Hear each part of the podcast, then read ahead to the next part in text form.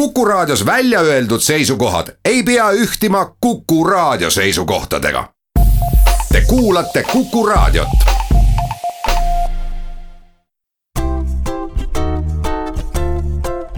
patsiendiminutid,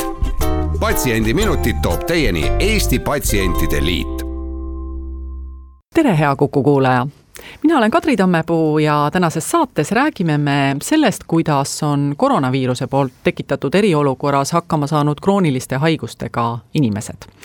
liikumispiirangud leevenevad tasapisi ja nii tuli ka meie tänane saatekülaline stuudiosse ise kohale, mitte me ei aja juttu telefonis. tere tulemast saatesse, Liis Aavik! tere! no sina oled vast loodud harvikhaiguste ühingu juht. mis asjad need harvikhaigused üldse on? Harvikhaigused on haigused, mis esineb siis äh, ühel inimesel kahe tuhandest ja neid äh, erinevaid harvikhaigusi on kuskil viis kuni kaheksa tuhat, mida on nagu kirjeldatud. ja ütleme, et Eestis puudutab see umbes seitsekümmend kuni sada tuhat inimest kas need äh, umbes sada tuhat inimest on ise ainult patsiendid või sinna hulka kuuluvad ka lähedased? seal on ikkagist haiged. nii et ise patsiendid yeah.? Mm -hmm. aga sina ise ju tegelikult ei ole harvikhaiguse põdeja, sina oled hoopiski lähedane. tõenäoliselt siis ähm, harvikhaigustega kokku puutuvaid isikuid, inimesi on Eestis rohkem. rohkem, jah. võib siis öelda, et äh, harvikhaigused on äh, sellised haigused, mida põeb korraga väga vähe inimesi, see loob probleeme ka selles osas, et, et kuidas need inimesed infot saavad, kuidas need inimesed abi saavad jaa, et kindlasti ei ole seda infot saada, et enamus infot äh, tulebki pigem äh, välismaistelt äh, lehtedelt, mis puudutab minu poega, eks, et et meid on kuskil siin kümme kuni viisteist, ka täpselt ei ole nagu teada, et noh, et kuskilt nagu seda infot leida, tuge leida, et võib-olla ka mõni on noh, ainuke Eestis või üldse Eestis ainuke, kellel on konkreetne haigus, et kuskilegi nagu kindlasti pöörduda, et vot, et me tegeleme just harvikhaigustega, tegelikult on muidugi palju nagu teisi ühinguid ka, aga me just tahaksime just selle valdkonnaga, et kuna seda ei ole Eestis veel puudutatud no samas jälle viis tuhat haigust, no võib-olla Eestis on neid haigusi veidi vähem, sest inimesi on vähem, on päris suur väljakutse, et nüüd kõikide haiguste kohta midagi teada, et kuidas te siin tegutsete? Et noh, siin ongi pigem, et, et me olemegi valmis rohkem süvenema sellesse asjasse, et äh, pöördubki näiteks konkreetne inimene, siis ma noh, võtangi kätte ja ma uuringi selle kohta nii palju, kui ma saan. Ja pöördungi geneetiku poole, et, et noh, leida seda infot. Kas äh, arstid saavad äh, just niisuguste väga haruldaste haiguste äratundmisega hakkama, et kui nüüd võtame näiteks äh, sinu poja näite, kui lihtsasti tema selle diagnoosi sai? Et kui ma mõtlen just selle neuroloogi peale, kes meile diagnoosi andis, et ma arvan, et ta teadis, et tal oli varem ikkagist kokkupuude olemas selle haigusega, et ta, et selles mõttes, et see geenitest sai kohe tehtud ja lihtsalt läkski aega selle tulemuse saamisega, aga, aga ma arvan, et noh, Ranari puhul ei, õnneks ei olnud nagu see nagu väga pikk periood, et teada saada, et mis see, mis see põhjus on, miks nii on, et mõni ei ole siiamaani saanud omale diagnoosi ehk et mõned haigused on väga keeruliselt diagnoositavad, sest ei ole ka korralikke analüüse. jah, et noh, et neid on nii palju, et noh, et kuna enamus harvikhaigusi on geenirikke, siis noh, sealt otsida seda on ikka päris, päris keeruline. No kui me räägime natukene lähemalt äh, siis sinu perest, et äh, millist abi Ranar igapäevaselt vajab, et ähm, et mis on need asjad, äh, millega ta ise hakkama saab ja mis on need kohad, kus ta vajab peretuge ja Ranari puhul on äh, tegemist ikka see, et äh, ta vajab kakskümmend neli seitse abi, et äh, et kuna ta lihastoonus on lihtsalt nii üli, üli-ülimadal, et ka tegevuse juures ta vajab abi, et noh, et ongi, et liikumises, söömisel, riietamisel, isegi nagu magades tal on vaja, et ma teda keeraksin, et et see, et ta nüüd saab nii-öelda oma elektrilise ratastooliga õues kihutada, et see on minu iseseisvuse hetk, et kas teil on peres keegi abiks ka või, või saate te kuidagi ise hakkama, pakutakse välja ka tugiisikuid äh, või sotsiaaltöötajaid või ka psühholooge? meil on äh, tugiisik väga,, väga-väga hea tugiisik, Ranar käib temaga koos lasteaias, äh, kui on tõesti vaja, et on meil nagu niisugune tugiisiku toetus on olemas, aga noh, see palju meile seda võimaldatakse, on juba nagu teine asi. no kui palju siis võimaldatakse ja kas peaks rohkem võimaldama? Jaa, et selles mõttes äh, noh, kui nüüd europrojekti äh, vaadata, et siis tegelikult seal on kuuskümmend kolm tundi kuus, kui mina käin kaheksa tundi päevas tööl, liidame sinna juurde veel mineku ja tuleku, on ju, et siis noh, see tuleb, see kogu selliselt tuleb nagu väga, väga, väga palju, on ju, et noh, see tähendab seda, et ma ei võimalda nagu tööl käia. aga kuna vald tuleb nüüd siis vastu, nad tõstsid nüüd saja kuuekümne peale vist, et nad lubavad meil sada kuuskümmend tundi siis äh, kuus, aga noh, seal ongi see, et, et see on nagu lubatud kogus, aga tegelikult ma ei tohiks nagu seda ära kasutada. seal on nagu niisugune, et ma pean ise arvutama ja teeb, see läheb nagu väga keeruliseks, et mul oli nagu esimest korda, kui ma nüüd lõpuks tööle naasesin, siis ma, ma päris ausalt ei saanudki aru, et kui palju meil siis lubatud on. nagu eelmine aasta juhtus, et öeldi meile, et oi, et meie maht on täis siis mul oli nagu see, et oot-oot, aga mis nüüd saab? Ja siis hakkasin alles tegema neid taotlusi, et siis äh, vald tuleks meile nagu taaskord appi, et siis ma hetkel ma tunnen, et, et nüüd, kui mul jälle see nagu otsa saab, et kas mulle ikka antakse, et või ma pean päevapealt ütlema, et vabandust, et ma nagu täna tööle enam ei saa tulla, sest mul ei ole last kuskile panna, et minu jaoks on see nagu väga segane. nii et niisugune paberi määrimine, siit kui edasi mõelda, siis äh, võib-olla aitaks mingi lihtne, kui mitte just Exceli tabel, siis mingi edasiarendus, mingi äpp, kus on teada, et no nagu on näiteks pangaarvel, et mul on nii palju tunde veel kasutamata võib-olla tõesti, aga noh, kõige enam tuleb see nagu üldse paika saada, et nüüd, kui kaks tuhat kakskümmend see europrojekt ära lõpeb, et kui palju tegelikult äh, siis omavalitsus äh, seda üle võtab, et noh, et, et kas meil üldse nii-öelda lähebki see tugiteenus edasi, et tundub, et vähemalt äh, meie omavalitsus, et vaikselt võtab üle, et noh, tundub, et on lootust sa ütlesid, et äh, sa läksid tööle, kuidas tööandja suhtub sellesse, et sul on äh, erivajadusega laps ja sa võib-olla vajad mõnikord äh, ekstra rohkem kodus olemist kui, kui mõni teine töötaja? Ma arvan, et ta tuleks vastu, et, et ma ei kasuta seda väga palju, seda võimalust, aga noh, praegult, kus me oleme kodukontoris, siis noh, see on nagu väga suurepärane, et me saame kodukontoris olla, et aga noh, reaalselt tegelikult minu töö eeldab, et ma oleksin kohal, et, et ei ole päris see, et ma jalutan keset päeva minema, aga ma arvan, et kindlasti kui kui ma nagu ütleksin, et vot, et mul on vaja minna, siis kindlasti me leiaksime su kesktee, et, et see ei oleks, ma arvan, probleem kas tugiisiku pead sa ise leidma või äh, keegi pakub sulle variante välja? Üldiselt on nagu tugiisikut väga-väga raske leida, et ikkagist me võtsime kätte ja tegime kuulutuse ja kuulutasime ja, ja saime tänu sellele tugiisiku, aga ma olen täiesti ülirõõmus, et me nagu nii toreda inimese saime, kes tal nagu on mm. -hmm. milline üks tugiisik on, no milline on näiteks teie pere tugiisik, kes Ranarit aitab, kas ta on noor, vana, naine, mees? Ta on vanem naisterahvas, et, et ta on nagu natukene nagu selline hoolitsev vanaema, aga samas ta ikka nagu tajub täiesti seda, et vot, et noh, et ma ei tohi nagu liiga palju ta eest ära teha, et ta peab nagu oma võimetele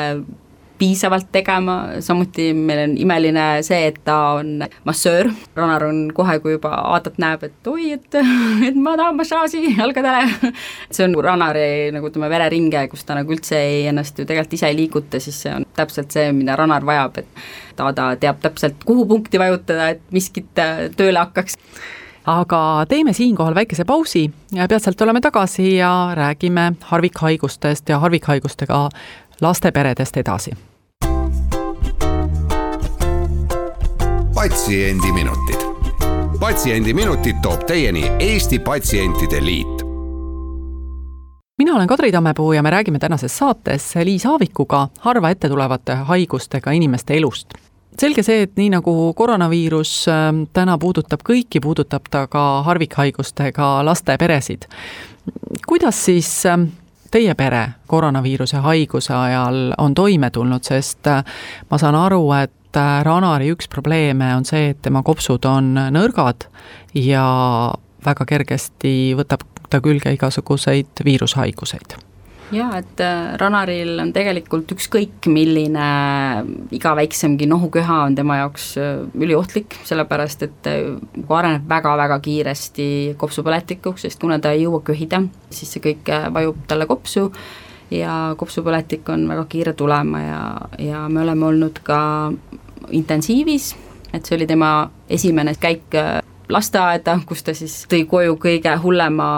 nii-öelda viiruse, mis võiks olla, RS-viiruse, millel puudub äh, ravi, et selle tuleb lihtsalt läbi põdeda ja tänu sellele ta ka sattus intensiivravisse, et ma arvan, et mitte ükski lapsevanem ei taha oma last näha kokku kukkunud kopsuga intensiivpalatis. Koroona on noh, ongi see, et see tekitab hirmu, et ongi, et ma ei tahagi, me ei käigi kuskil, et noh, et jumal tänatud, et me saame olla kodukontoris jumal tänatud, mu mees murdis näpuluu ja ta on juba poolteist või kaks kuud kodus, et noh, et ongi sõna otseses mõttes, me istume kodus, me ei võta mingeid külalisi vastu, et noh, et eks me jah, suhtleme all oma vanavanematega, kes elavad meiega ühes samas majas. aga noh, ongi see, et käime ainult looduses ja, ja see on ka kõik, et tegelikult on see, et iga aasta on gripihooaeg, et minu sõnum oleks ikkagi see, et kui sa oled haige, siis püsi kodus, et sellega sa tegelikult hoiad teisi, et kui sul on nohukeha, on ikka võimalik, et et jääge koju, on ju, et et see ongi see, et, et sa võid ükskõik keda nakatada ja see võib lõppeda kellegi teise jaoks väga kurvalt, et võib-olla tõesti põed seda kergesti, on ju, aga, aga sa lihtsalt levitad seda, et see ei ole okei. Okay.. kuidas teie peretuttavad sellest sõnumist aru saavad, kas tuli palju selgitada mõnele sõbrale, et meil on nüüd selline olukord ja, ja palun ära tule meile külla. meie sõbrad äh, teavad, et, et kui on nohukeha, siis nad teavad, et me ei oota külalist, et me märkame, on ju, et oi, et keegi on ikka niisugune, et siis ma noh, kohe näen, et mm, et noh, pigem ongi see, et kas me lahkume seltskonnast või hoiame nagu eemale ja siis ma nagu jälgin ka, et kes katsub mida, kes mida suhu pistab, et noh, meil on nagu väike venna ka, on ju, kes on muidugi jumala tänatud terve, aga tema toob täpselt samamoodi teisest rühmast meile igasuguseid viiruseid koju ja, ja siis Ranar äh, jääb samuti haigeks. et selline pidev riskide hindamine, et kas me ikka lähme ja kuhu me läheme, aga samas me elame iga päev sellega, et see koroonaviirus on teinud isegi ütleme, et meie jaoks elu lihtsamaks, sest teised kardavad nagu ka. pigem tekib hirm sellega, et oi, et aga et nüüd tuleb tööle naasta, on ju, et, et kas ma julgen oma lapse juba lasteaeda viia aga mis siis saab, et ähm, kas võib siis juhtuda, et äh, laps on äh, kodus nii kaua, kui koroonaviiruse vastu ravi leitakse? Või äkki kasutate te hoopis maske?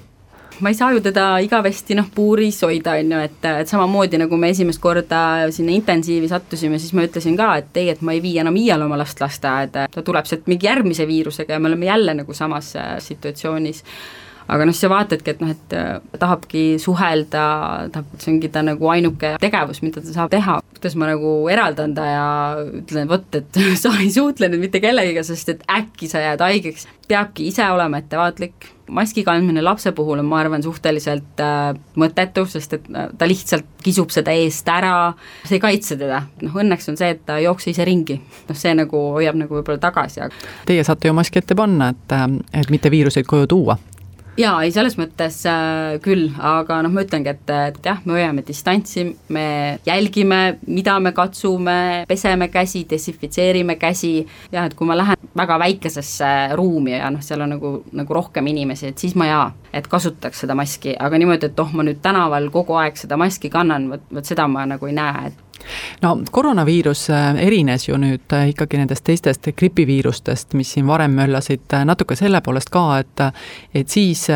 tavaline plaaniline ravi igasugused protseduurid toimisid, nüüd nad ei toiminud. kas see mõjutas kuidagimoodi Ranarit ka, et ei olnudki võib-olla võimalik kõiki teenuseid, mida tal vaja on kõiki teenuseid saada?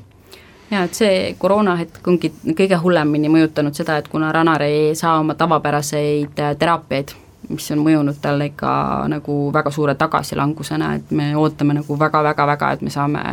jätkata oma tavapäraste teraapiatega ja ootame seda Haapsalu hetke, mis on nagu niisugune väike boost, et jälle teda taastada, et, et ma loodan väga, et Haapsalu, olen kuulnud ka, et nad võtavad vähem inimesi vastu korraga, et me ikka, ikka saame sinna Haapsallu ka mindud, et meil siin juunis on järgmine Haapsalu kui tihti te käite Haapsalus? kord kvartalis nii-öelda, siis kolm korda aastas, kaks nädalat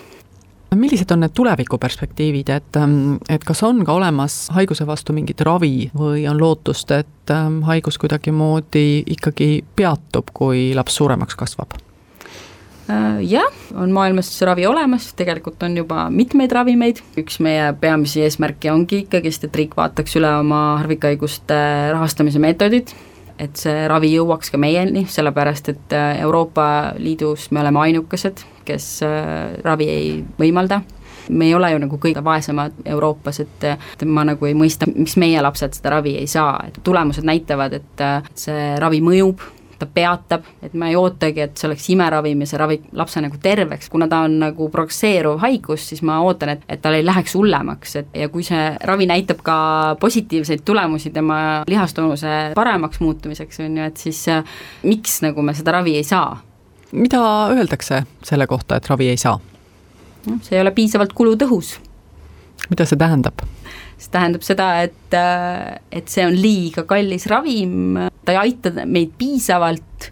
selle raha eest, mida nagu antakse, et noh, eks seal on küsimus selles, et meil on üks suur pott, on ju, kus on see raha ja tegelikult on see, et meie nii-öelda need arvutusmeetodid on Eesti riigis siis sellised, et kas ma ravin nagu sellesama raha eest, ütleme, sadat inimest, on ju, või ma ravin sellesama raha eest nagu ühte inimest, aga loomulikult ma valin need sada inimest, aga selle jaoks peakski olema harvikhaiguste puhul eraldi rahastamis, me ei saa panna neid äh, nagu ühte samasse potti, meil on kolmas avaldus juba sees selle äh, nii-öelda ravimi saamiseks ja me iga kord saame sama vastuse. Et see, see vastus ei muutugi mitte kunagi, kui me ei vaata üle, et nagu kuidas see vastus tuleb. Võib-olla saab äh, ravim äh, tulevikus odavamaks minna, sest tihti ravimid lähevad ja mõnikord isegi kümnetes kordades odavamaks